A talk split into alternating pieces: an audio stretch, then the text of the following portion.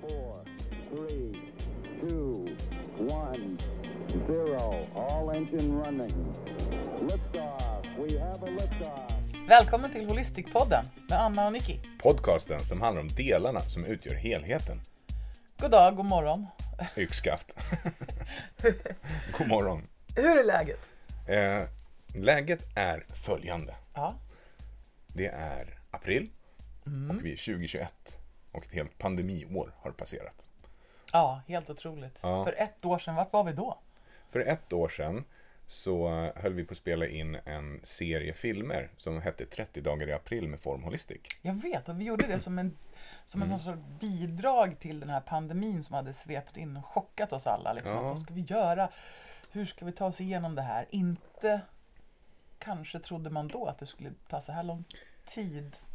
Nej, och dessutom så var det väl en, en motrespons Mm. på den hysteri som skedde. Alltså, världen blev ju chockad och stressad Ja, och jätte, liksom hijackad i reptilhjärnan. Alla blev det, alla människor. Ja, Även ledarna i nationerna. ja. Och Och, vart vill- är vi nu då? Hur långt har vi kommit egentligen? Tycker du? Ja, vi kommer, jag tror att vi kommer snudda in på det ämnet faktiskt i, i dagens avsnitt. För att det, det handlar ju mycket om det. Det är nästan oundvikligt att nu för tiden inte snudda in på corona. Det är skönt när man slipper. Verkligen. Så att det är väl egentligen vilken dos av corona man tar in som är det intressanta. Ja, du menar hur mycket corona-information man tar in? Ja, och vad var- spännande. var Jag, man jag är ju av den sorten att jag har valt att inte ta in så mycket. Mhm, mm. Verkligen. Mm. Jag känner överdoserandet som Mm. ett illamående i kroppen. Jag orkar inte. Alltså, jag orkar inte följa alla nyheter om corona. Och framförallt så orkar jag inte följa allt trams om, om pandemin. Trams. ja, alla clickbaits, alltså allt eh, skandaliserande och panikskapande om det här. Mm. För det sker väldigt mycket sånt.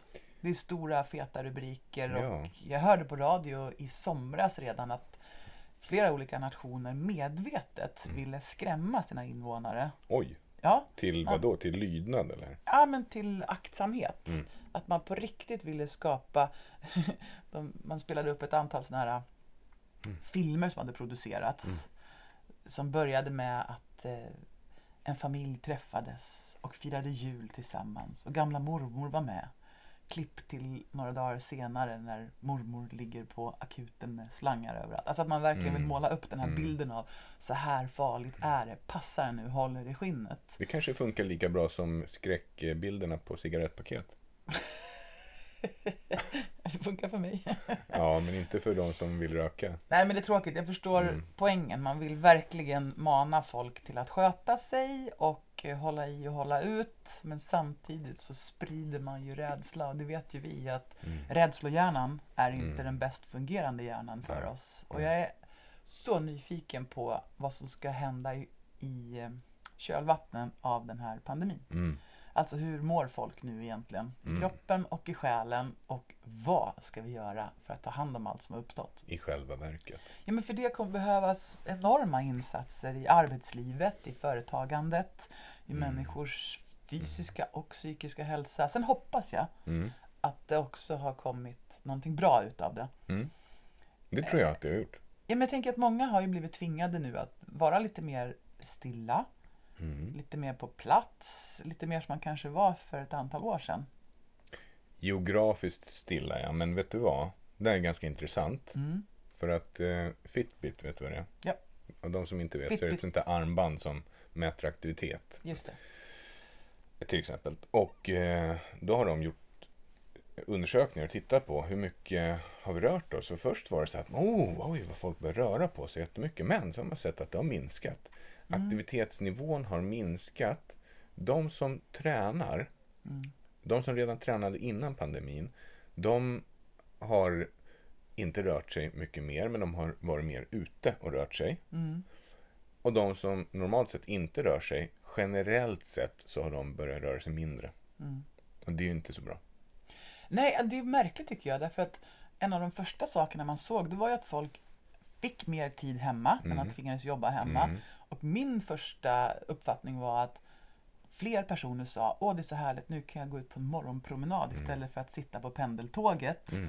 Och man fick en känsla av att folk gick mera ut i skogen och grillade korv för att vad annars skulle man göra? Mm. Mm. Så man fick en uppfattning om att nu kommer folk att vara hemma vid mera och kunna röra sig mera ute i skog och mark och kanske träna. Och... Vilket man ju ser i samhället, att folk rör sig mer utomhus. Det Men det. Mm. det är ju för att vi är hemma mer, så att vi lägger märke till det. Så de som normalt sett rör på sig, de rör på sig på orten, där man Mycket, bor. Mycket spännande. Ja, Ja. så det. Hur är det med dig då förresten? Jo men eh, bra. Mm. Hur? Vilket roligt svar. Det blir så här, hur är det? Bra. Ja. Men, men som Skandia-reklamen, Mm. på riktigt. Vadå? Skandia? Nej, Ja, men har, har du missat den? Så, ja. "Ja, hur, hur är det med dig då? Ja, det är bra. Så här, på riktigt alltså. Ja. Ja, men det var ju som eh, Fredrik sa i våran podd tillsammans. Ja. Eh, tro, hopp och kärlek. Ja. Hur är det i själva verket? Mm. Ja. Nej, men då har det varit lite mycket. Mhm. Det måste jag ändå säga. Mhm. Det har varit lite mycket. Jag tycker att det här pandemiåret har väl varit mycket för oss alla. Mm. Och sen har vi, det känns nästan lite tjatigt nu, men det har faktiskt varit lite mycket med min mamma som blev sjuk och gick bort och din pappa som blev sjuk och gick bort. Eh, och så lite andra saker som liksom har ploppat, sådär som, som livet. Domestic challenges. Ja men alltså livet pågår fortgående och Mm. ibland så är det täta utmaningar. Om Så så har det varit. om vi vänder på det, Mm. vad har du lärt dig då? Du, det, jag har inte kommit dit än faktiskt. Du har inte lärt dig någonting? Jo, men jag tror att kanske har jag lärt mig någonting under det här pandemiåret. Och det Mm. är väl lite granna att kunna stanna upp och zooma ut Mm. och se på den, den större bilden. Se bortom rubrikskapandet och paniken och försöka titta på fakta. Att söka fakta på bra källor. Mm. Och lite gärna så här att om det känns i magkänslan som att det här stämmer inte. Mm. Det här stämmer inte det som liksom blåses upp just nu. Mm. Och jag tycker att det finns mycket fakta att hitta bortanför de här äh, jätte panikskapande rubrikerna. Jag följer Kapten Coronaljus Ja. på Instagram. Eh, Det är en kille, tror jag. Ja, från Det är en Uppsala. karaktär i alla fall. Ja, som granskar eh, rubriker och även sätter sig in i fakta. Alltså bra källor. Mm. Och där kan man få en annan bild av vad som faktiskt pågår. Mm. Och det är väldigt, väldigt, eh, det skapar en bättre förståelse. ja, Kapten Coronaljus på Instagram. Ja, visst. Så det, det, tycker, det är ett bra följartips. Det tycker jag verkligen, Verkligen. fantastiskt. Förutom att följa oss på Formalistic. Ja, ja, på ja. Instagram. Men Mm. den är bra. Den är given. Ja. Mm.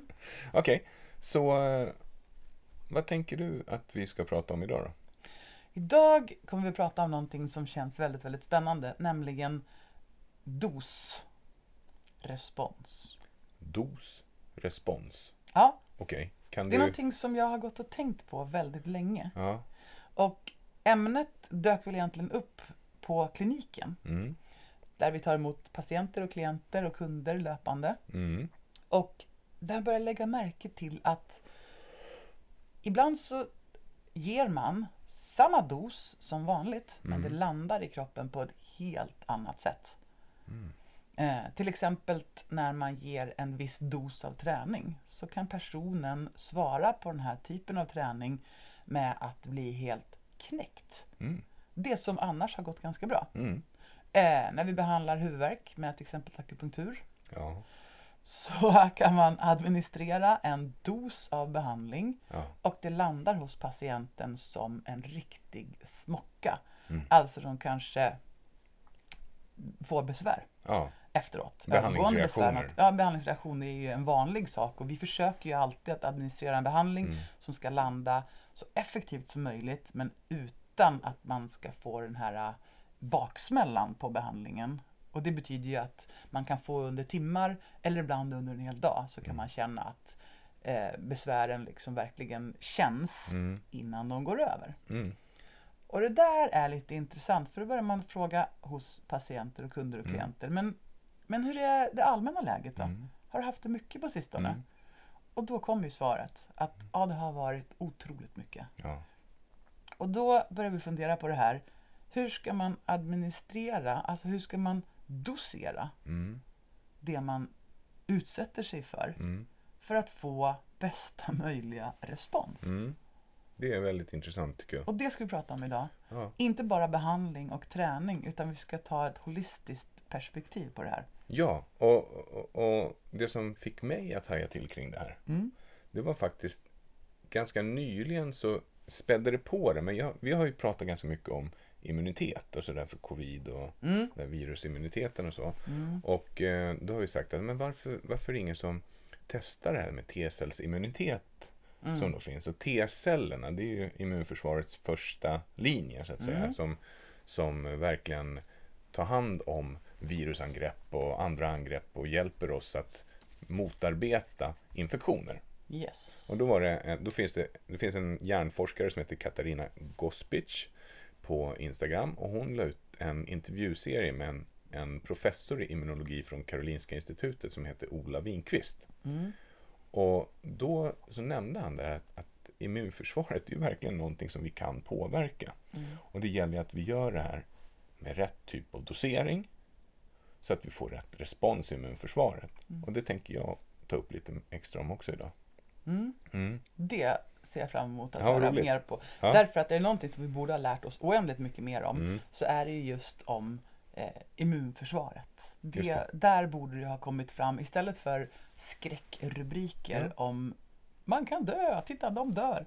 Så Ja. borde vi liksom ha pumpat ut en massa bra användbar kunskap om hur optimerar man sitt immunförsvar? Hur fungerar immunförsvaret? Vad är immunitet? T-cells Mm. immunitet? Vad innebär det att få antikroppar? Hur får man dem? Hur länge räcker de? Så Mm. det finns massor av bra saker att prata om. Det är ju då att det, liksom, det blir väldigt stort fokus på, på vaccinationer. Och eh, Mm. medan vi skulle det är som behöva... vanligt, vi har ju en förkärlek för att fokusera på the quick fix. Lite så. Ja, Så om det det. fanns en, en vaccination mot eh, ohälsa överlag så skulle nog folk ta den. Ja, verkligen. Det är så otroligt intressant. Ja. Och, men det vi pratar om som vanligt, det är ju det salutogena perspektivet. Det Ja. vill säga, vad är det vi kan göra för att förstärka och förbättra vår hälsa, vårt utgångsläge, vår självläkningsförmåga. Mm. Och just nu så finns ju inte någon quick fix på det utan det är någon sorts långtgående förvaltning av vanor Mm. och rutiner. Ja, men vad roligt. Så om vi snackar om det här då. Ja. Vad, liksom, vad ligger bortanför det här? Vad är det vi vill liksom... Vad vill vi att lyssnarna ska ta med sig? Vet du, jag tycker att det här är verkligen ett steg två och steg tre bortanför den allmänna kunskapen. Därför att Jaha, många människor i vårt land, tycker jag, Mm. är hyfsat välutbildade på eh, Okej, en stor spridning på det då. Men Hur, hur tänkte du nu? jag tänkte att de allra flesta människor vet att okej, vi behöver röra på kroppen därför Ja. att det är viktigt för hälsan. Ja. Inbillar jag mig. Det kanske, jag menar med tanke på att 50% av Sveriges befolkning har undermålig kondition så kanske det inte är så spritt som jag tror. Nej men verkligen. Och dålig kosthållning och brist på motion Ja. bidrar ju till, att, till cirka 70% av alla sjukdomar som drabbar Sveriges befolkning idag. Jag vet, och det här är, nu halkar vi in på det här tabuämnet då. Vadå? Ganska tidigt i pandemin man, så såg man ju att ja, men det, finns, det finns bakgrundsfaktorer hos Mm. de som hamnar på eh, intensivvården. mm, Och det här törs ju man knappt prata om. mm. Eh, därför att det finns alla, alla regler och undantag. Ja, Ja men visst, det är helt självklart att har man överlag ohälsa i kroppen Mm. så drabbar ju covid hårdare. ja, Så är det ju. Och Mm. att man inte då har pratat, för då har vi pratat jättemycket om att nu måste alla ta sig samman och tvätta händerna och sprita händerna och hålla sig hemma. Mm. Och det är ju självklart, Mm. det är jätte, jättebra. Men varför pratar man inte mer om att vill ni hålla er friska, vill ni optimera era förutsättningar genom den här pandemin, då måste ni Mm. röra på kroppen. Minska på de här och de här de här sakerna som ni tar in i munnen mm, och öka de här och de här sakerna. mm. Det finns ju belagt nu att D-vitaminet påverkar, ja. Bland annat. Mm. Men det tycker jag inte att det rekommenderas så jättemycket om. Nej, och sen finns det ju massor med andra livsstilsfaktorer som bidrar till, till att eh, den här eh, virusangreppet inte biter på samma sätt. Och du får ju så alltid då den här eh, franska paradoxen. Yes. Liksom att, eh, ja men den här killen eller den här tjejen var ju jättevältränad och superung och drabbades ändå stenhårt. Mm. Ja, men det finns alltid de ytterligheter oavsett vad. Och när vi pratar om träning och hälsa med människor för att förbättra välmåendet, då kommer nästan den eh, frågeställningen upp per automatik från vissa klienter. Det vill säga, ja fast är det så himla bra då med att träna? För jag, jag hörde en som jag känner som var jättevältränad och han fick hjärtattack i elljusspåret. Mm. Ungefär så här, jo men det är en promille, är en mikroskopisk andel Ja, av precis som att det är åt andra hållet också. Det finns ju hundraåringar som har drabbats av eh, covid och tillfrisknar Ja. och går vidare i livet. Så Verkligen. absolut, det finns. Men nu ska jag försöka komma tillbaks till tråden. Mm. Ja, precis. Jag tänker att dagens avsnitt Mm. är ett rikt eh, det är en riktigt bra men ganska enkel fördjupning i, jo absolut, vi vet att vi borde träna så, vi borde äta så, vi borde vila så, Mm. vi borde förhålla oss till work-life balance på det här sättet. Mm. Men nu tar vi nästa steg. Mhm. På vilket sätt ska vi dosera? Och hur ska vi veta hur vi ska dosera? Därför att det här ändrar sig nämligen hela tiden. Just det. Så det här är jätteanvändbar kunskap för precis vem som helst som vill skapa bättre balans och respons i livet. Mm. Mm. Okej. Vad kan man ta med sig från det här avsnittet? Ja, man kan ta med sig eh, lite aha-känslor. Alltså, aha, Jag hoppas det. Mm, ja, ja. Okej, det där var bra. Och så såklart hopp. För att eh, man vill ju sprida hopp om en tryggare värld. Och lite kunskap, tänker jag, för gemene man. Mm. Om det här med hur hänger det ihop egentligen det här med hälsa. Eh, hur mycket av hälsa ska man ha för att må bra? Och hur lite hälsa behöver man för att inte må bra? För att inte tuppa av. inte Ja. tuppa. Eh, jag älskar fakta och Ja. kunskap. Det är så motiverande. Mm. Att på något sätt göra någonting och tänka, ja det här Mm. kanske är bra, men jag vet Mm. inte. Det är skillnad jämfört med om man precis har läst, det här är de senaste forskningsrönen som belägger att det här är maximal effekt Mm. av träning. Mm. Då blir jag peppad. Då Mm. vill jag göra det. Så du vill att folk ska få ta med sig en känsla av att bli peppade eller? Ja, verkligen. Bli Mm. peppade på att hitta någonting som funkar i deras liv. Ja, vad bra. Det är så, det är olika för alla. Mm. Ser vi till att de blir det. Jajamän. Mm. Frågor vi kommer att ta upp under programmets eller poddens gång. Mm. Det blir ju att vi kommer inte bara att prata om träning eller Nej. kost.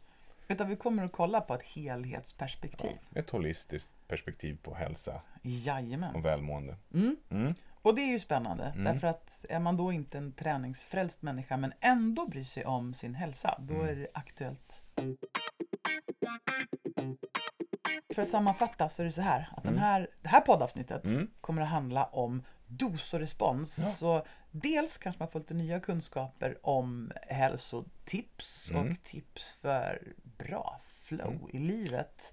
Men dels också om hur fasen gör man för att dosera? Och hur ska man liksom veta vad man ens ska försöka dosera? Just det. Kan Yes. du förklara vad dosrespons är för någonting? Då? Vad, vad, liksom, vart kommer det ifrån? Vet du vad? Den Mm. ska jag bolla över till dig. Berätta var, vad, vi, vad vi tar liksom frånskjut ifrån. Okej, jag skjuter från höften lite så här. Det är ju dosrespons. Det? Ja, dosrespons kommer ju egentligen generellt kan man säga från farmakologin, alltså läran om läkemedel och dess effekt i kroppen. För att man, tänk, man tänker man pratar om att vilken dos behöver du ha för att få korrekt respons? Yes. Och då kan man ju säga så att en viss dos, om du äter för lite av ett läkemedel, då når du inte upp i det som man kallar för terapeutiskt fönster, det vill säga det ger ingen verkan.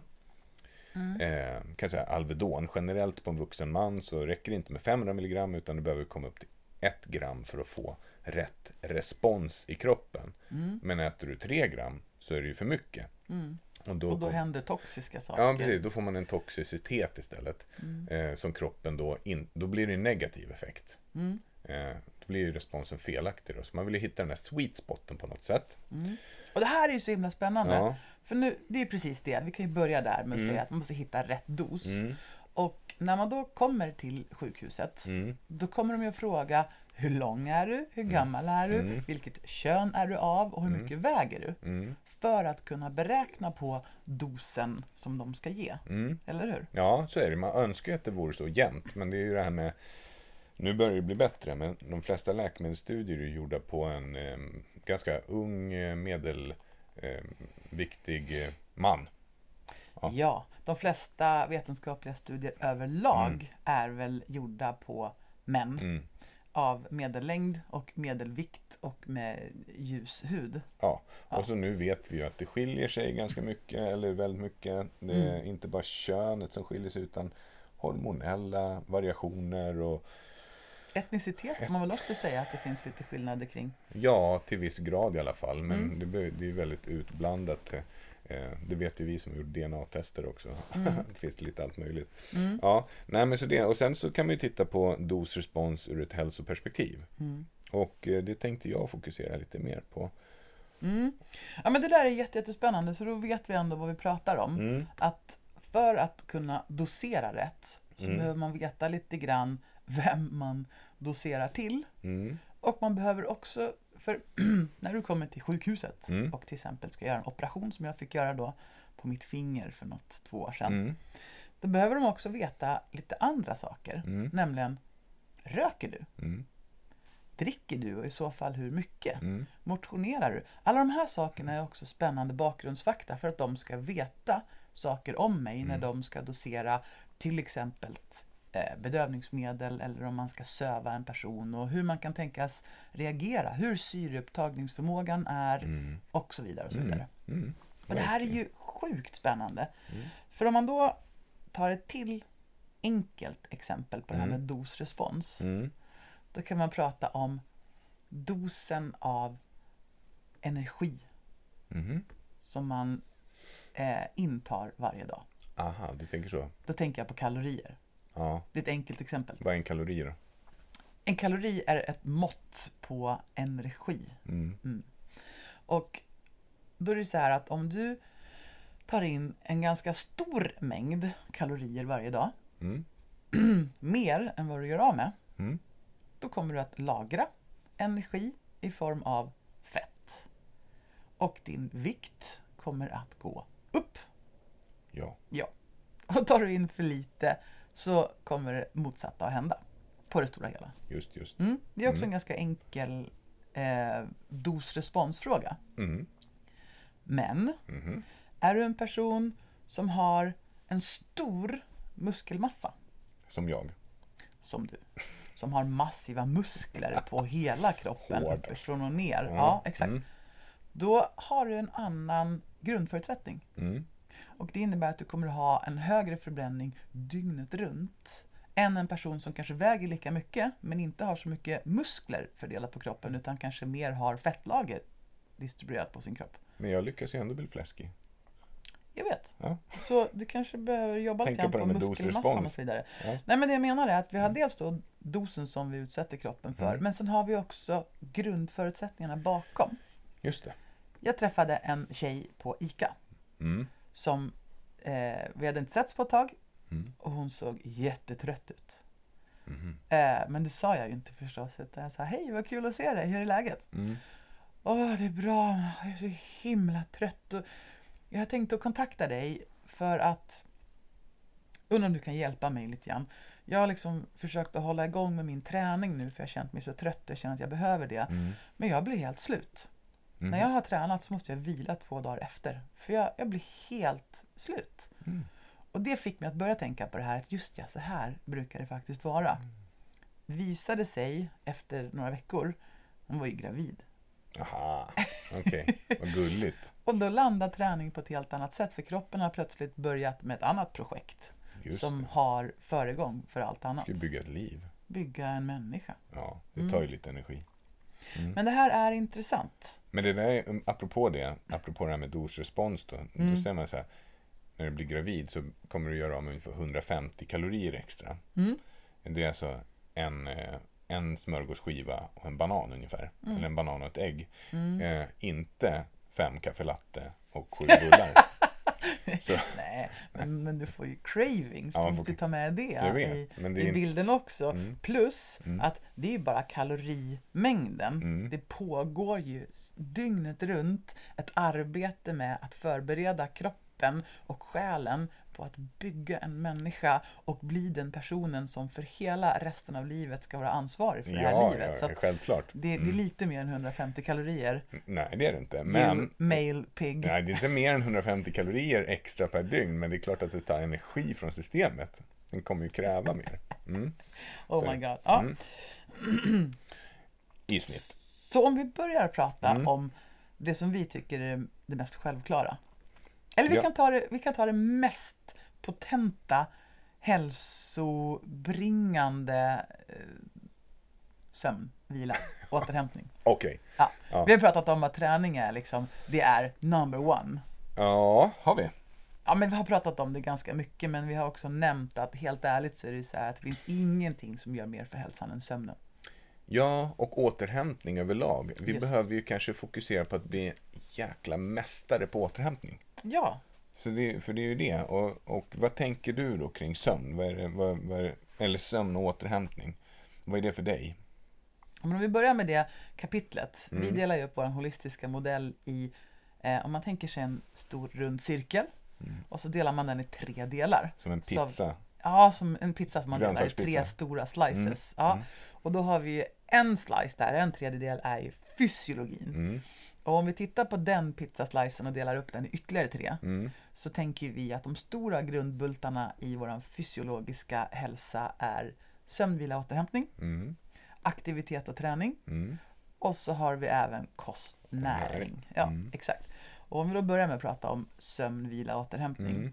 så pratar vi om att gemene man behöver sova cirka 7 till 8 timmar. Ja, Ja. det är gold standard. Ja. Och det har man verkligen forskat fram och sett att nej, men det är så mycket vi behöver sova. Mm. Och det här är intressant för när jag började läsa fysiologi för länge, länge, Mm. länge sedan på 90-talet Mm. Då sa man att man har inte forskat så mycket på det här med sömn och det man har sett det är väl att man dör inte av att eh, missa sömn. Men eh, man vet inte riktigt vad som händer om man inte sover. Mm. Men nu vet man lite mer. Finns det något dos-responsförhållande när det kommer till sömn och bilkörning? Jajamensan, det gör det. Och det är verkligen häpnadsväckande och läskigt hur viktig sömnen är för vår prestation.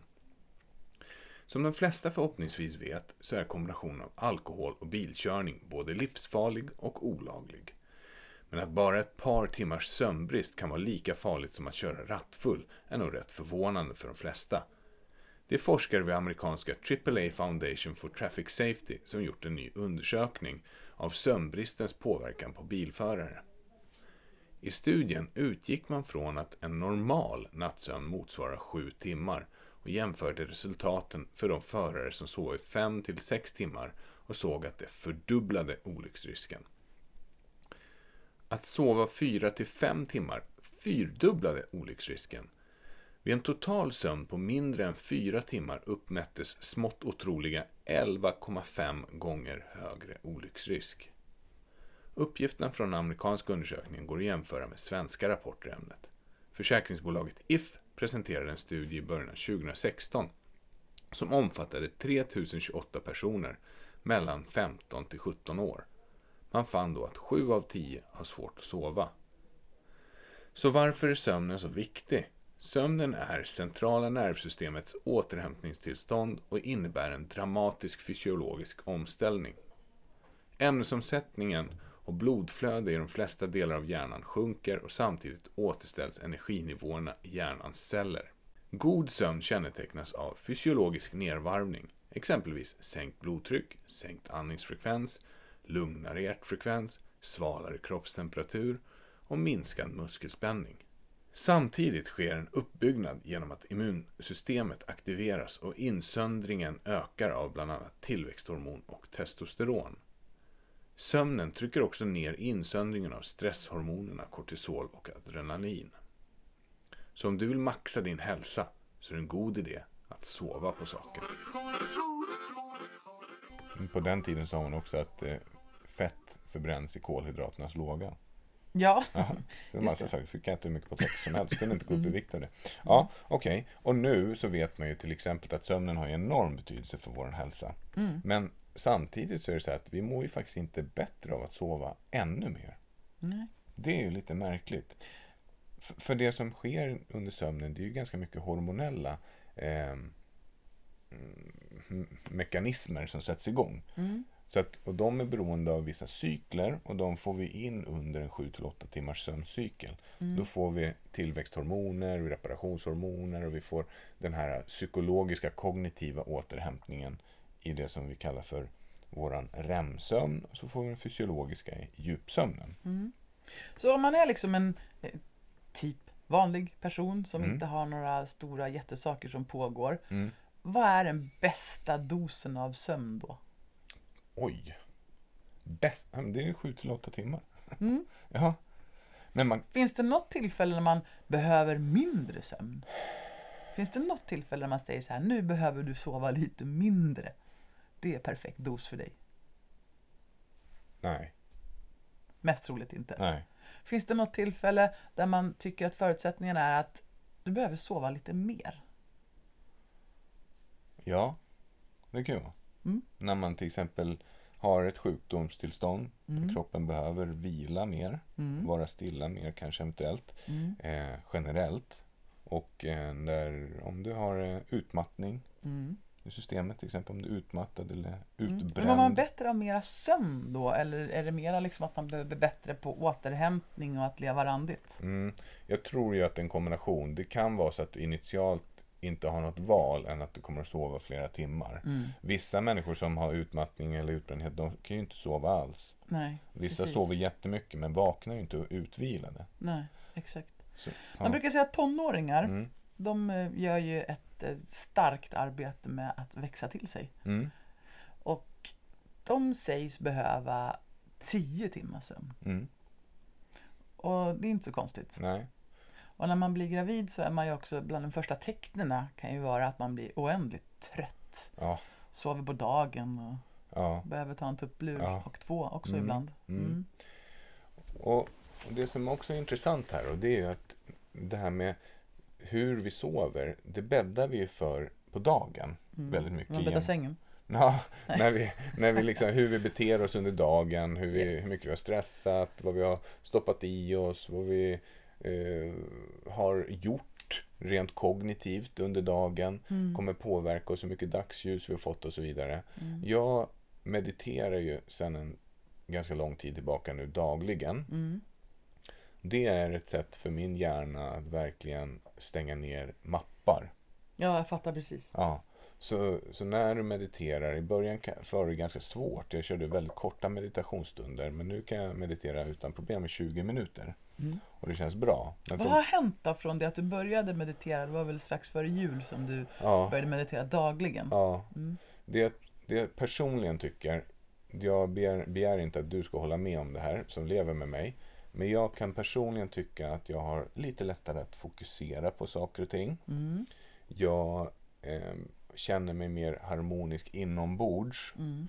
Och eh, mina episoder av reaktivitet har Mm. minskat. Jag har blivit mindre reaktiv i mitt beteendemönster. Jag kan många, många, många gånger fler hejda mig i min impulsivitet. Mm. Jag, jag har en, en impulsivitet i mig som inte alltid är så gynnsam. eh, vare sig för min hälsa eller för mina relationer.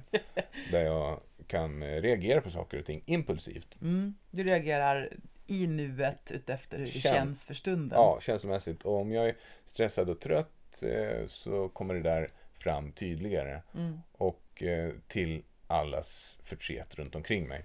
Och mitt egna också. Eh, så har jag fått det sagt.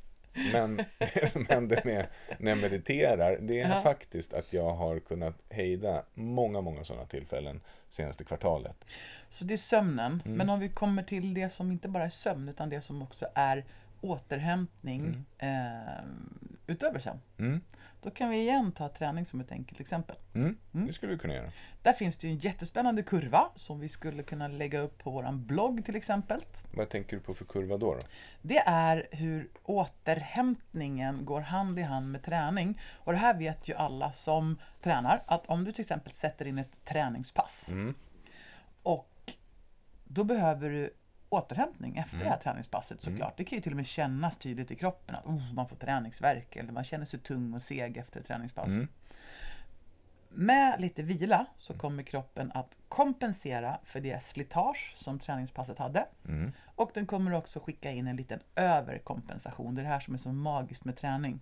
Just det. Att den kommer att se träningen som faktiskt då en stress och en skada på kroppen. Mm. Och den kommer se till att den reparerar skadan och förebygger. För om det skulle hända igen då är kroppen beredd och kommer inte bli lika sliten. Mm. Använder man då den här eh, kombinationen av träning, stress, slitage med vila, återhämtning och uppbyggnad på ett bra sätt. Okej. Då får du den här snygga uppåtgående kurvan där du blir lite starkare, sätter in ett träningspass och blir lite starkare. Så den här överkompensationen liksom jobbar för dig. Just det. Vet du, superkompensationskurvan eller? Det eller kanske överkompensation. Ja, okej. Ja, och... Och Mm. då är det så här. Om man inte vilar mellan träningspassen, utan Mm. man tänker jag gör lite mer, för då måste jag ju få mer och bättre resultat. Mm. Vad händer med responsen då? Ska jag svara på det? Ja, gör det. Ja, det kan jag jättegärna göra. Det finns två saker som jag skulle vilja ta upp i den här aspekten. För att Mm. det har med coronapandemin att göra lite grann. Ja, vad spännande. det kommer påverka vårt immunförsvar. Dels, har du hört talas om begreppet, eh, eller teorin om open window? Berätta, det här är spännande tycker jag. Open, Ett öppet fönster. ja, open window-teorin Mm. eh, kom, om jag minns rätt, eh, 1984 eller någonting sånt där. Och där man såg att eh, efter intensiv träning så sjunker immunförsvarets aktivitet eller förmåga under två till fyra timmar.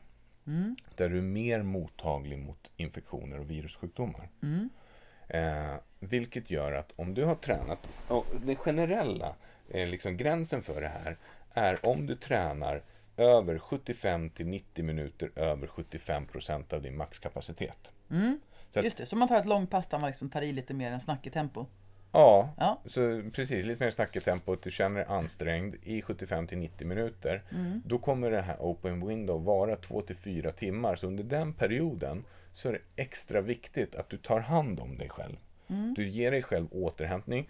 Ett bra sätt att minska det open window det är att direkt ta till exempel eh, ett eh, återhämtningsmål, recovery meal, med kolhydrater och proteiner. Som gör att du trycker in saker in i cellerna, dricker mycket vatten och inte exponerar dig själv mot andra människor vid det tillfället. Mm, man är lite själv. Man går och sätter sig i duschen och tar med sig ett fika. Ja, och också där. Tvätta händerna, eh, torka av saker och ting och så vidare. För att du, du är extra mottaglig. Det här sker inte i samma utsträckning efter kortare pass som inte är så hårda. Men ju högre intensitet desto större effekt. då. Så man, man säger då att eh, ju högre eh, träningsintensitet desto större negativ effekt på immunförsvaret. Och Men då måste jag berätta om min nya vana här i Mm. vinter. Jag och min bästa träningskompis Kristin, Mm. hon är min bästa träningskompis därför att hon är så jädra på hela tiden. Inte ettrig, eller Hon är väldigt, eh, hon har energi och driv. Eh, vi har kommit på en skitbra grej. Jaha. När jag jobbar inne i Uppsala på fredagar så cyklar jag dit. Mm. Eller tar tåget dit med min cykel. Mm. Så att när jag slutar in i stan och liksom wrap it up in i Mm. min lokal. Då Mm. brukar jag ofta få ett sms där det står så här. Hallå, jag är här, öka! Eller så står det bara öka! Ja. Mm, hon är så kort, Mm, kort i mm, tonen. mm. Och då får man skynda sig. Sen cyklar vi hem. Mm. Och då under vintern så har det varit så här, vi kör mountainbike och det har varit mycket snö. Mm. Och det här har blivit precis de här 75 till 90 minuterna. Mm. Och det har blivit lite hårdare än snack i tempo därför Mm. att hon drar på så jäkla mycket. Mm.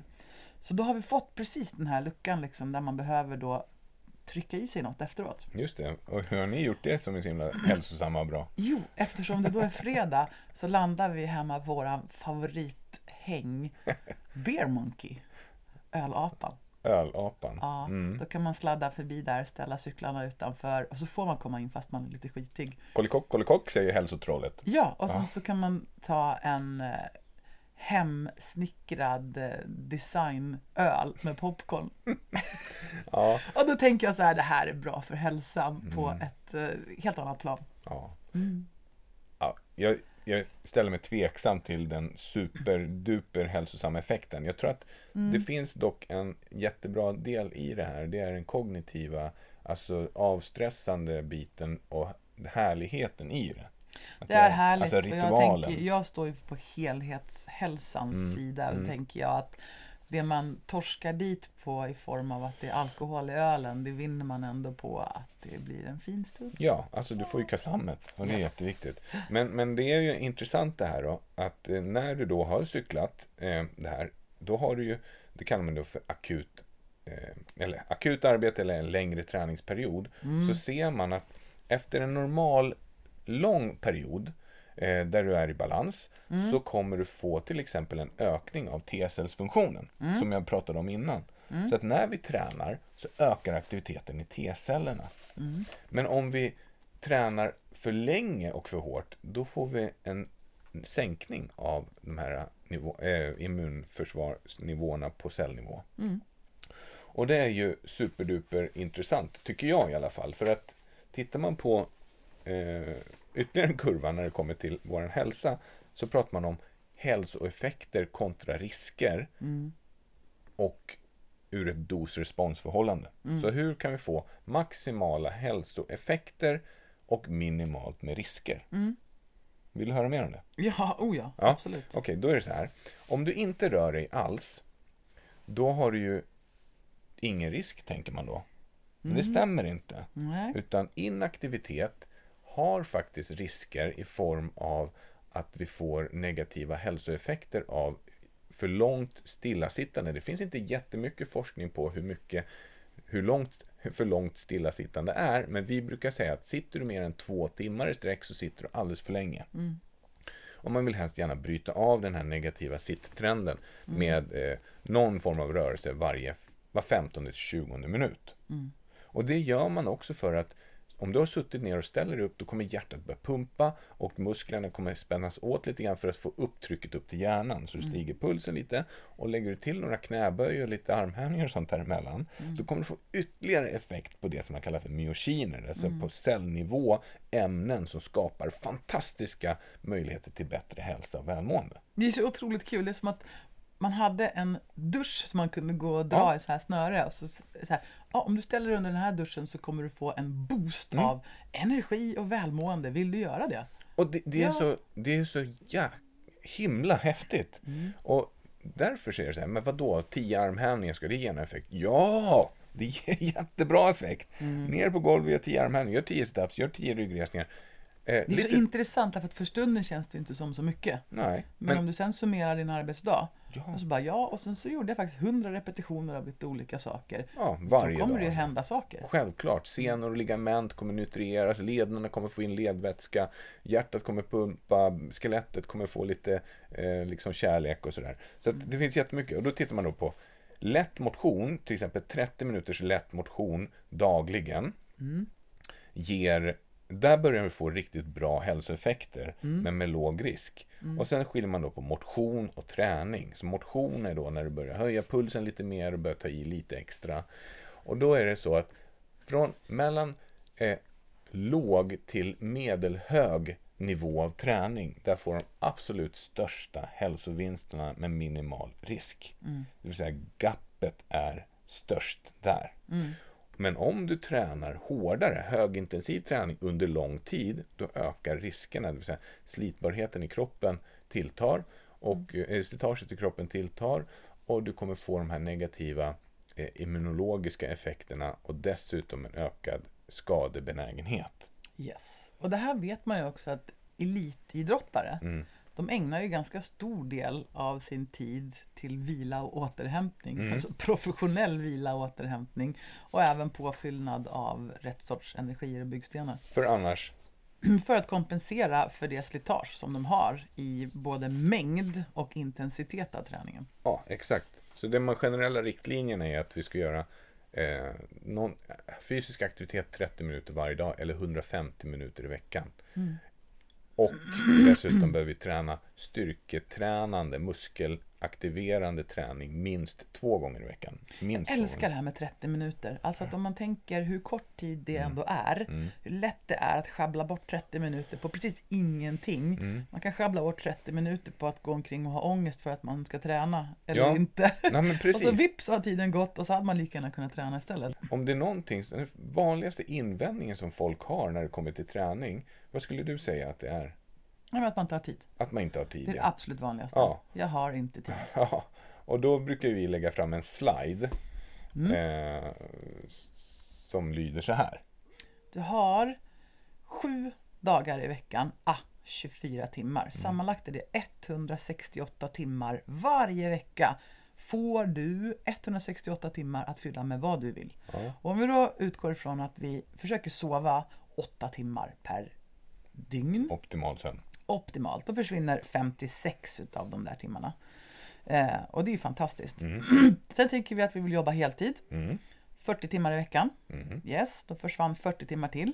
Och sen så tänker vi att ja, men vi måste ju ta oss till och från jobbet Normalt sett i alla fall. Och om vi utgår ifrån att, ja precis normalt sett ja, Mm. herregisses vad mycket tid folk har fått extra nu när de slipper transportera sig. Ja, hur mycket extra då? Nej men i det här exemplet så har vi räknat med två timmar per dag. Alltså en timme till jobbet och en timme från jobbet. Mm. Så lång tid har ju inte de flesta kanske. Men där försvinner ytterligare 10 timmar i pendlingstid. Mm. Och sen så tänker vi att utöver det så är det åtminstone 20 timmar, alltså eh, en hel del timmar extra som går åt till att handla, laga mat, kanske diska, dammsuga, ta hand om människor i sin omgivning och sådär. Ja.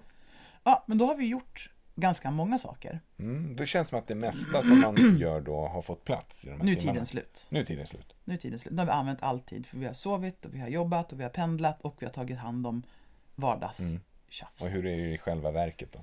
Då återstår det 42 timmar per vecka. Alltså 6 timmar per dag återstår. När man har gjort allt det där. Om man då tänker sig att man tar en halvtimme utav de där sex timmarna. Då har man fortfarande fem och en halv timme kvar per dag. Till att scrolla.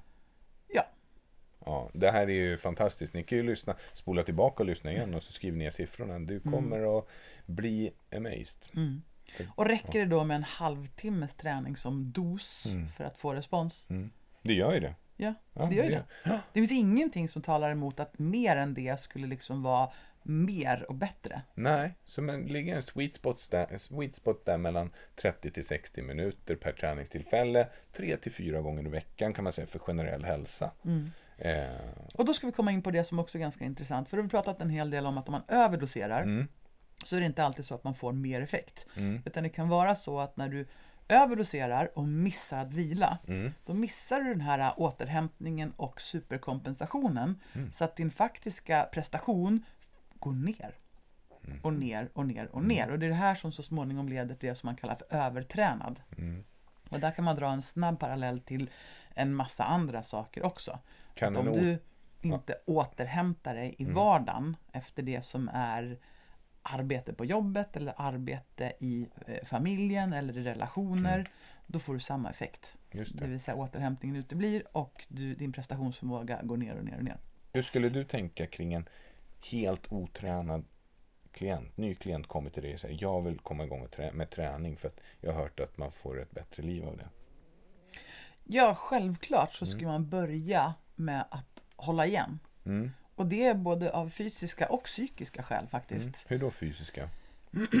Du behöver trappa igång på en nivå där dina muskler och leder kan möta dig utan att bli slitna. Mm. Alltså utan att få skador till exempel. Mm, just det. Det är jätte, jätteviktigt att du anpassar träningen efter strukturernas tålighet. Det är det här som oftast händer när folk blir, eh, anmäler sig på en kurs. Ja. Och den här kursen är jättekul, för det är en löpkurs nämligen. Och redan tillfälle tre så ska vi maxa Ja. intervaller. För att det och ska bli kul. Ja, och det är kursen. jättekul och folk springer som på ett kosläpp liksom. Det är! Mm. Och det är så vanligt med skador i fötter och ben och det är leder och det är ligament och det är alla möjliga saker. Verkligen. Mm. Och det är lite gulligt att liksom viljan övergår strukturernas, strukturernas möjlighet. Mhm. Så att det är jätte, jätteviktigt för kroppens skull Mm. att man trappar upp det här och Mm. liksom checkar av att nu har vi musklerna på den här nivån. Nu har leder, ligament och senor nått den här nivån. Det som händer när man tar doping till exempel Mm. och musklerna växer onormalt fort Mm. det är att senorna inte hinner med. Så att Mm. en vanlig effekt av do- bieffekt av doping är att man sliter av senor, Muskelfästena. muskelfästen. Ja. Eh, för att de har inte liksom växt i samma takt Nej. som muskulaturen har gjort. Mm. Så det är viktigt. Sen tycker jag också psykologiskt är det Mm. jätte, jätteviktigt att man skapar en träningsnivå som man känner att det här är ju faktiskt möjligt, det här passar, det här funkar i mitt liv. Och vi har ju pratat lite om det tidigare, där jag, jag benämner det för attention span. Mm. Att man inte har så himla hög tålighet rent psykiskt för hur mycket träning du orkar ägna dig åt under en tidsperiod. Nej, och det är mycket, mycket roligare att gå in i ett träningsprogram där du liksom känner att du får lyckas. Mm. Låt oss säga att du får ett träningsprogram som är 2 gånger 20 minuter. Mm. Då är det bättre att man får med sig en känsla av att Åh, det, det känns nästan lite för lite, jag skulle Mm. vilja ha lite mer. Mm. Då, du känner dig stark, du känner Mm. att du klarar av uppgiften och du blir sugen på mer. Mm. Än den andra varianten då, att man är toktaggad. Nu ska jag köra fem gånger i veckan, en timme per dag. Ja. Och så håller det här precis så länge som motivationen håller. Men Mm. du kommer att nöta ut din drivkraft och så är det stor risk för att du då efter tre veckor slutar. Mm. Helt och hållet. Mm. Så att en sak till som är spännande att ta upp. Mm. Det är inte bara vad som händer när man underdoserar återhämtning och vila. Nej. Utan det är Va, också eller vad sa du? det det är inte- som är spännande att ta upp. Ja. Det är inte bara, det blir så här dubbelnegation, det är därför det blir rörigt. ja. Ja. Vad händer om man överdoserar vila och återhämtning? ja Okej. Är du med? Ja, Milton. Men eh, det är ju... Om du, And sleep. om du underdoserar träning. Då mår du ju inte bra. Tänker jag. Den här fina kurvan som vi pratade om, Ja, just det. Du får den ju... här överkompensationsprincipen, Ja. den jobbar ju för oss när vi återhämtar oss lagom mycket. När vi har rätt frekvens. Just precis. Mm. Och när vi återhämtar oss för lite, då går kurvan neråt Mm. och du får en sämre prestation. Men grejen är att om du återhämtar dig för länge, Mm. låt oss säga att du styrketränar Mm. en gång i veckan. Mm. Då är det så här att återhämtningstiden, den är så pass lång så att du hinner liksom inte få den här uppåtgående. Ja, du tränar helt enkelt för uteblir. lite, för sällan. Så resultaten uteblir. Och värre ändå, Mm. på sikt, Mm. efter 35 års ålder, så kommer muskelnedbrytningen att accelerera. Mm. Och det innebär att vi behöver träna mer för att få rätt typ av muskeltillväxt. Mm. Och då pratar vi inte heller bara om hur ofta man tränar. Nej. Både du och jag har varit instruktörer länge och sett Mm. människor komma på våra träningspass Mm. och applicera exakt samma dos av vikter. Mm. Vecka efter vecka Mm. efter vecka. Mm. Och kroppen har ju adapterat redan efter en vecka. Mm. Och om du då fortsätter utsätta kroppen för samma belastning, ja då behöver inte kroppen bli starkare. Och det blir motion av det hela istället för träning. Precis. Och där tror jag är en av de stora orsakerna till att människor inte utvecklas i sin träning. Att man inte är progressiv eller faktiskt utsätter kroppen tillräckligt mycket för den här nedslitningen som det är för att man ska få överkompensationen. Jag tror att tankevurpan som man liksom måste ta sig ur eh, uppifrån, det är ju det faktum att träning är inte slitsamt. Det är uppbyggande om du gör det på rätt sätt. Men Så- det är ju slitsamt och det Ja, måste men- man acceptera att i, i träningstillfället så är det ju en nedslitning men den är inte farlig, den är hälsosam. Men på Och det- sikt är den ju uppbyggande. Yes, och det är Mm. kompensationen för det där som man vill komma åt. Ja, men där menar jag det här med att många då som blir äldre, de tänker så här att nej men nu har jag blivit äldre så jag ska ta det lite lugnare. Till exempel med styrketräning, men det är tvärtom. Mm. Jag menar muskelnedbrytningen ökar och du, återhämtningen är ju det som faller åt sidan ofta när man blir äldre också. Det innebär att du behöver träna mer specifikt och faktiskt lite hårdare när du blir äldre för att få den positiva effekten. Men den kommer inte utebli utan du kan få så otroligt bra livskvalitetseffekter Mm. av att börja träna även på ålderns höst. Nu ska jag berätta om en jätterolig grej. Mm. För nu har vi pratat lite grann om både eh, sömn och Mm. återhämtning. Mm. och vi har även pratat en hel del om träning därför att det Mm. blir ju så. Vi brinner för träning och det kommer upp som exempel. Ja, Ehm, här om veckan mm. så fick jag ett mail Mm. av en person, en klient och hon skrev så här att Kan du hjälpa oss? Semlorna tar livet av oss. Ja, jobbigt med de här monstersemlorna. Fruktansvärt roligt för jag gillar också semlor. Mm. Och jag gillar det här årstidsbaserade myset liksom. Att Mm. redan innan semmeltiden är dags Mm. så börjar man tjuvstarta med att Mm. baka semlor. Och, ja, men det är mysigt, man känner att nu är våren på gång och så vidare. På tal om dosrespons då. Mm. Att ta en semla då och då, det är ju ingen fara. Det kan man ju göra. Mm. Men när den där äh, semlan dyker upp varje dag Mm. och så har de så här utbud av att vi har fem olika smaker på semlor och borde prova alla. Mm. Ja, då blir det ju till slut för många semlor som lägger sig på kroppen som en härlig extra viktmanschett. Mm. Och genom att då bara boka tiden Mm. så slutade de äta semlor. Så redan till första träffen så var liksom semlorna eliminerade och kosten hade väl skärpts en hel del. Mm. Mm. Det är rätt kul. Eh, och så gjorde vi en inmätning och en Mm. invägning. Mm. Jättespännande. Oj, oj, oj. Och de här personerna var taggade. Så vi sågs igen efter en vecka. Mm. Häpnadsväckande resultat av att dosera in lite mer vardagsaktivitet. Mm. Lite mer fokus på träningen. Att nu Mm. gör vi de här träningspassen istället för att bara tänka på dem. Mm. Inga semlor. Och så lite mer fokus på att få i sig näringsämnena. Mm. Alltså proteinerna och även grönsakerna. Och, Mm. och lite medvetenhet kring vad, vad ger de olika Mm. måltiderna egentligen Mm. för effekt. Mm. På en vecka Mm. hade de alltså gått ner 3 kilo och 1 kilo och motsvarande mängd då i procent fett på kroppen. Man har Ja. gått ner rätt sorts. Ja. Och det är ju då det är intressant för att det är ju precis som vi gärna vill framhålla. Det är inte rocket science. Det är, det är ganska enkelt att få bra resultat. Mm. Man måste inte göra det superkomplicerat när det, när det är lätt. Exakt, men det som har slagit mig på sistone är att det räcker ju inte att veta. Nej, Utan det gäller ju att göra det där som man vet. Och när det händer, Mm. då kommer ju också resultaten. sant. Jätte, sant. jättespännande. Mm. Nu ska vi prata lite grann om specialtillfällena i livet. Hur tänker du då? Då tänker jag att ibland så Mm. glider människor in i perioder av överbelastning. Mm. Man har varit, man, om vi pratar om stress Mm. och dosrespons. Mm. Då är det så här att stress är inte farligt. Nej, Nej, berätta hur du tänker. Stress är inte skadligt. Vi pratade någon gång tidigare om att stress Mm. är en call to action. Mm. Vi blir utsatt för någonting som slår, slår igång ett larm, ett hotsystem i vår hjärna. Mm. Och det här kan vara väldigt, väldigt starkt. Alltså Mm. det kan vara att det kommer en björn springande, då kommer vi att få ett starkt larm om hot. Ja. Men det kan också vara sådana fåniga saker som att passa in, duga till i sociala sammanhang. Det kan vara allt möjligt. Mm.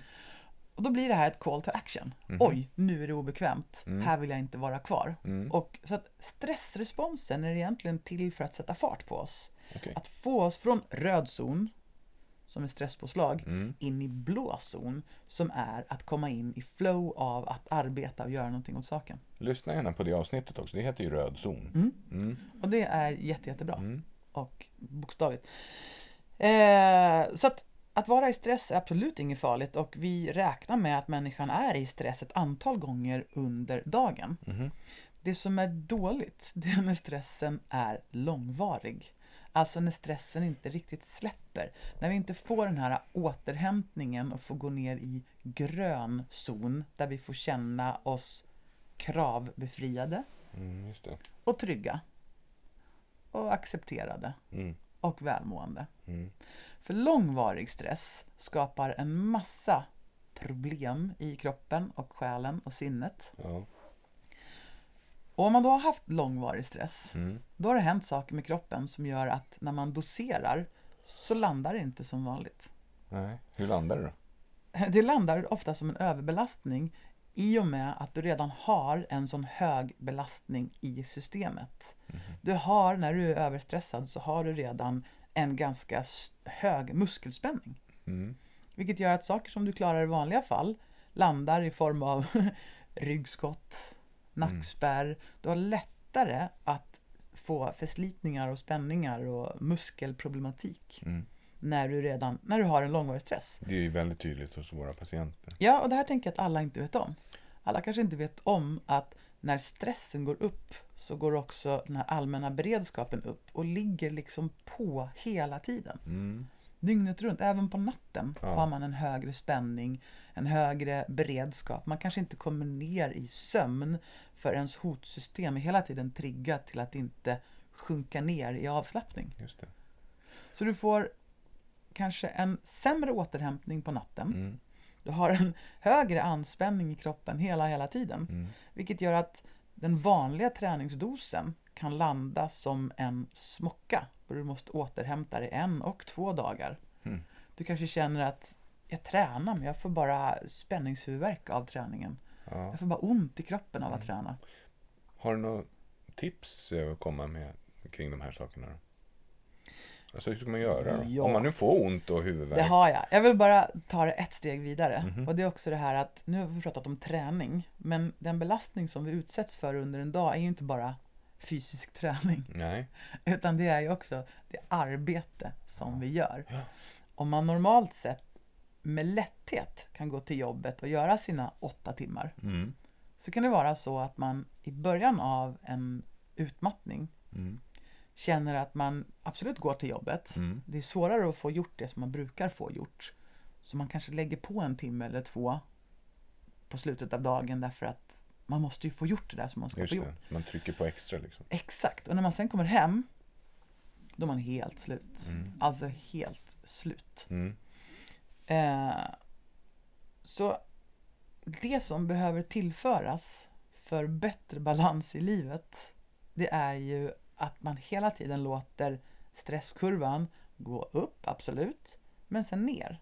Alltså att man tillför pauser och återhämtning oavsett om det är ifrån arbete. Det kan också vara från sociala relationer. Det är jättekul att umgås. Mm. Men det är också bra att efteråt få lite återhämtning. Ja, just det. Så man rent praktiskt återhämtar sig. Har du, har du haft massa ansikten att möta Mm. så ta en stund Mm. för dig själv där du inte gör det. Exakt. Mm. Så Det är bra. Vi brukar prata om att leva randigt och det Mm. här är någonting som man kan ta med sig. För mig är det här en jätteutmaning för min hjärna tycker så himla mycket om mycket. jag, vill, jag skulle helst av allt bara vilja köra på. Göra mycket av allt varje dag, hela tiden, för det är så roligt. Det är allt i livet för dig. Va? Det är allt i livet för dig. Ganska mycket är så. Ja. Jag tycker att det är kul och jag har ju liksom haft perioder när jag har, har fått trycka på som tusan och det är så Mm. himla roligt. Mm. Men efter de här två åren av sjukdom och död och belastning Mm. så funkar inte det. Det bara gör inte det. Trots, jag, trots att du kan så mycket om det här. Verkligen, Mm. därför att det var ju det som vi sa tidigare i programmet, det gäller att göra det som man kan också. Mm. Så, en bra sak att ta med sig, oavsett om man har gått in i väggen eller inte Mm. och bara vill förebygga, Mm. det är ju att leva randigt. Alltså att verkligen få in de här pauserna, för det är de som är förebyggande mot långvarig stress och alla dess följder. Det är därför zebror inte får magsår. Ja, precis. Så är det. Jaha. Så att efter en, låt oss säga att du har haft ett Teams-möte. Mm. Mm. Då är du ju intensivt fokuserad på en skärm med ibland massa människor och det är ju svårare för oss liksom att fokusera på det sättet. Mm. Då kan det vara bra att få en liten paus. En bensträckare på en kvart kanske. Mm. Där man går ut, är själv en stund, tar en promenad eller bara sätter sig, låser in på toaletten och blundar en stund och Ja. gör en meditation. Ja. Och jag träffar många människor nu som sitter i Teamsmöten som liksom överlappar varandra i stort Mm. sett. Man går från ett Teamsmöte till nästa och på slutet av dagen så är man helt slut i huvudet. Mm. Det är inte bra. Det är inte bra. Nej, det är inte bra. Nej. Så att oavsett om man gillar eller ej, om jag får tala för mig själv då, Mm. lägga in pauser. pauser emellan ansträngningarna. Och har du haft en tuff dag, då kanske du behöver en dags återhämtning efteråt. Ja, det är ju rätt självklart egentligen om man inte tänker på det. Det är ju det där med att göra återigen. Då. Jag tänker att jag har ju börjat instruera igen. Mm. Spinning. Japp. Och nu senast, Jättekul. senaste passet som jag gör nu, då har jag ett sjok där jag har det blir sammanlagt 10 stycken 30 sekunders intervaller på raken med 30 sekunder vila. Mm. Det är fullt möjligt, men om jag hade kört 10 minuter på raken Mm. på hög intensitet, då hade inte det funkat. Nej, För exakt. man blir helt slut och prestationskurvan skulle ju gå upp och så dalande nerför och brant sluttande i, i slutet. Mm. Medan du kan hålla en jättehög högsta nivå eller jättehög lägsta nivå genom alla de här 10 minuterna genom att du gör intervaller. Exakt, och det är därför intervaller är så magiskt bra. Lever Att randigt. Tack vare vilan Mm. så kan du trycka till lite extra i intervallerna. Och så Mm. kan man ju tänka på livet också. Man får liksom intervalla sig igenom dagarna. Mm. Mm. Idag har vi pratat en herrans massa om dos-respons. Mm. Så nu vill vi avsluta det här avsnittet med att ge tre starka tips som verkligen är specificerade till det här avsnittet. Mm. Och det handlar ju om att Ja, men nummer ett är det att göra en bra och balanserad och sansad plan Mm. för det här. Att se till att titta på hur kan jag planera in det här ur ett dos-respons-perspektiv Mm. in i mitt liv. Och då kanske man undrar, vad, en plan för vad då? Ja, men eh, en plan för träning, en plan för, en bra plan för hälsa, en Mm. plan för hur du ska sova bättre, hur du ska få mer återhämtning, alla de här Mm. bitarna. Jag tänker att det kan vara en bra plan för vad fasen som helst. Mm. Ibland så sitter jag i coachingsamtal med människor som är nya på en arbetsplats. Mm. Kanske en ny tillsatt chef. Mm. Och då är det så här att det kommer att vara en speciell tid, åtminstone ett halvår, ibland ett år. Mm. Därför att du är precis ny Mm. och alla intryck är nya för dig och socialt sett så är det en helt ny miljö att navigera i. Mm. Och det kommer att göra dig mer utmattad än när du gick till ditt vanliga jobb och gjorde saker som du redan kunde med människor som du redan kände och så vidare. Mm. Så att försök att göra en bra balanserad plan utefter de kunskaper som du har just nu. Okej, bra. Mm. Nummer två då? Mm. Nummer två är ju precis det här. Försök känna in nuläget. Mhm. Eh, är du en nybliven mamma Mm. som ska börja träna igen efter graviditet och förlossning. Ja, då går du ju inte in på den nivå som du var på för ett år sedan. Utan då försöker du förstå att mina förutsättningar just nu är att jag behöver återhämta mig. Mina leder och ligament är fortfarande uppmjukade och jag måste vara extra försiktig och smart när jag drar igång med min träning. Just det, precis. Till exempel, Mm. eh, har du gått in i väggen och är utmattad, då kan du räkna med att det mesta du gör kommer inte att landa som vanligt i kroppen. Du kanske går omkring med en känsla av mjölksyra i kroppen från morgon till kväll fast du inte ens tränar. Ja. Så att försök att känna av ditt nuläge. Vart är du någonstans? Vad har du för förutsättningar för det eh, som du tänker ta dig an? Ja, precis. Eller om du då är en person som redan är tränad. Mm. Då kan du fundera på på vilket sätt kan jag göra för att få progression Mm. i min utveckling. Alltså vad, vad behöver jag göra för, vad behöver jag göra för att eh, få mer effekt? Mm. Bättre effekt? Så, Och ett nyligt exempel från mitt eget liv är också Mm. det här att om man har varit med om en kris och befinner sig i en sorg mm, så brukar man ju prata om ett sorgeår. mm, Och som du sa häromdagen, ja fast det kan ju vara två år också. mm. Att under ett års tid så kommer saker och ting inte att kännas som vanligt. Utan allting kommer att ha en ton av andra känslor. Mm.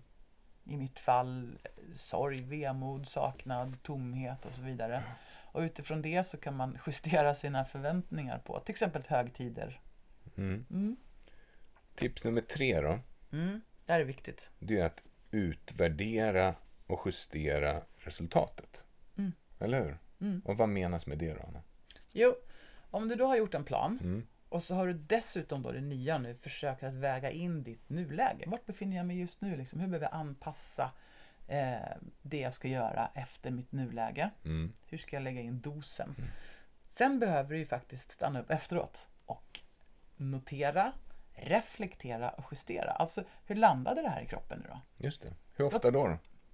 Jag tycker veckovis är bra därför att det inte ska behöva gå för lång tid. Mm. Om du, låt oss säga att du gör upp ett, eh, någon sorts schema för hur du ska arbeta, eh, äta, träna, eh, umgås socialt, vad det nu kan vara. Mm.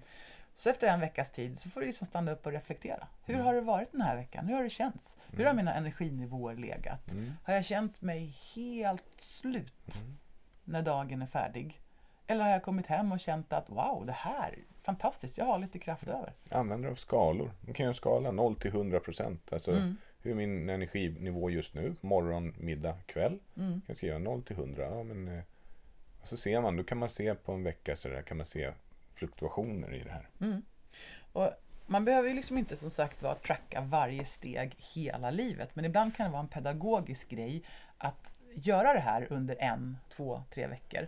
När jag har kostklienter hos mig Mm. så brukar jag tipsa dem om att använda appen Lifesum. Mm. Inte hela tiden, Nej. utan så här prova i tre dagar. Ja.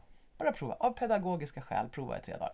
För de flesta som kommer till oss säger ju Ja, Jag tycker jag äter bra. Ja, Jag förstår inte varför jag... jag förstår inte, jag vill ju gå ner i vikt Ja. eller upp i vikt. Eller Men kosten göra... är... Alltså jag äter ju bra. Mm, exakt. Mm. Och det är ju det är den uppfattning man har om sig själv då. Att Mm. jag äter ju bra. Ja, Mm. perfekt. Vad kul att du äter bra. Testa Lifesum, bara av pedagogiska skäl. Och det brukar aldrig vara så att någon kommer därifrån och tänker att ja, jag visste det. Jag åt perfekt. Nej, utan alla blir ju liksom, alla får en aha-upplevelse. Mm. Och då kan det vara samma sak med det här. Att faktiskt tracka sig själv lite Mm. grann. Gör en Mm. plan, väg in nuläge, justera och utvärdera för att se hur funkar det egentligen. Mm. Snyggt, riktigt bra. Tre starka tips. Mycket spännande. Så vi skulle prata lite grann om dos-respons idag för Mm. det känns så himla spännande. Mm. Har vi gjort det tycker du? Det tycker jag verkligen på fler, flera plan och ur flera, ur flera aspekter dessutom. Vi har också pratat om hur mycket man vill dosera sitt intag av medias eh, katastrofrubriker om covid. Mm. Mm. Det har vi verkligen gjort. Ja. Ehm, Och vad är det övergripande målet med det här då? Men det du? stora övergripande målet med hela vår podd och hela vår verksamhet, det handlar ju om den här, det här långtgående projektet Mm. att hitta feelgood och flow i Mm. livet. Mm. Och även det är ju en dos-responsfråga därför Mm. att mitt liv ser ju inte ut exakt nu som det gjorde för ett år sedan, två år sedan, fem år sedan, tio år sedan. Nej. Utan ens nuläge förändras ju hela tiden. Mm. Både ens biologiska ålder men också ens miljö och omgivning. Mm. Så, så det är vad vi håller på med. Mm. Och ett delmål då på vägen utifrån det här avsnittet, vad kan det vara? Ja, men det är väl att man faktiskt tar, tar itu med och gör en liten planering och en check av nuläget och skapar en liten eh, plan för hur man kan dosera för att få den respons man vill ha. Ja, och det nya just nu skulle just kunna vara precis det. Mm. Att checka av eh, vart man befinner sig för stunden Mm. och avväga. Mm. eh, Är, jag, är jag supertrött eller är jag understimulerad? Har jag Mm. fått för lite stimulans runt omkring mig Mm. på sistone? Och vad kan jag i så fall göra åt det för att öka dosen för att få ett bättre resultat? Just det. Det är många som sitter hemma nu och är uttråkade och börjar slappa till sig. Mm. Så där kanske man behöver öka dosen. Mm. Så vad kan man liksom göra? Vad man kan göra, eh, det är ju som alltid då att fundera nummer ett på ja, men vad, vad är det jag vill åt, vad är det jag vill ha. Mm. Vill jag ha mer av någonting? Vill jag ha mindre av någonting? Det något specifikt mål som jag liksom siktar på? Mm. Och i så fall, hur ska jag komma dit? Mm. Och så framförallt att göra. Det Mm. blir det. Liksom, görandet är viktigt, inte tänkandet. Det här är så dumt, Mm. Men det är en magisk effekt av att börja tillämpa det man vet och kan. Och det här vet ju alla. Liksom. Verkligen. Eh, Jag känner mig redan peppad för att göra mer av det jag kan. Ja, av till exempel vad då? då? Vad, vad känner du att nej, du men- vill göra mer av?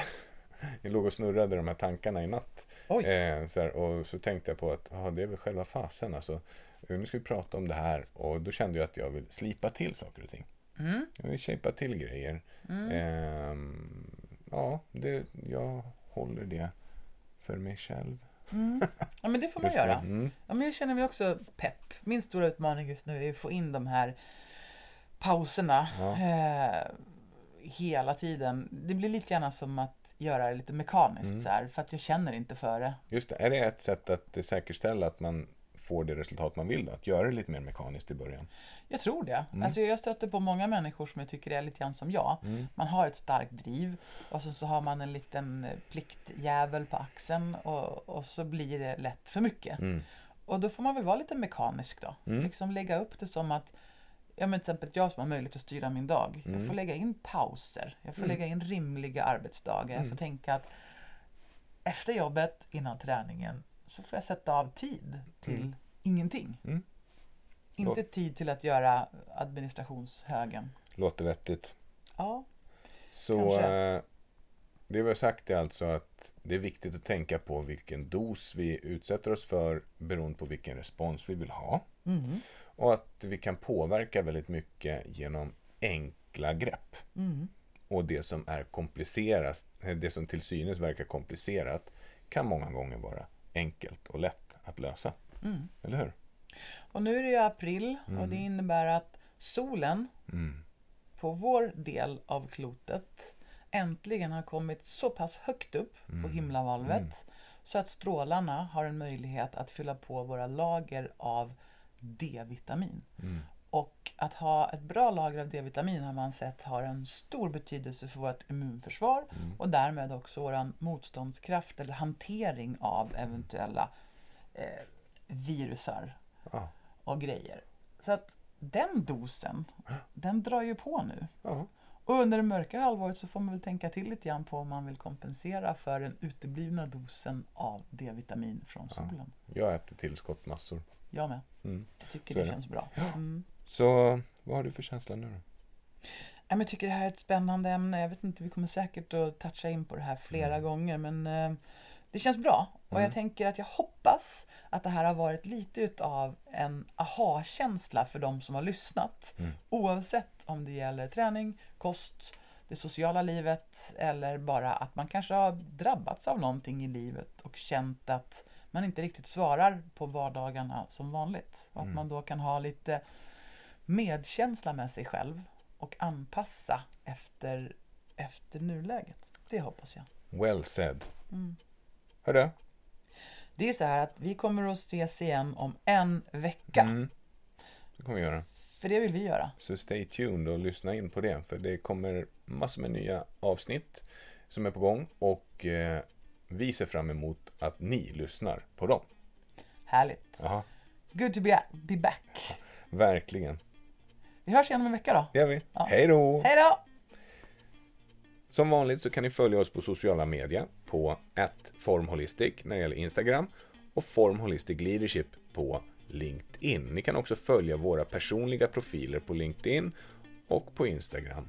Vill ni veta mer om oss så kan ni gå in på vår hemsida www.formholistic.com och vill ni komma i kontakt med oss så kan ni skriva det via mail på kontakt formholistic.com eller på någon av de andra sociala mediekanalerna genom vanliga direktmeddelanden.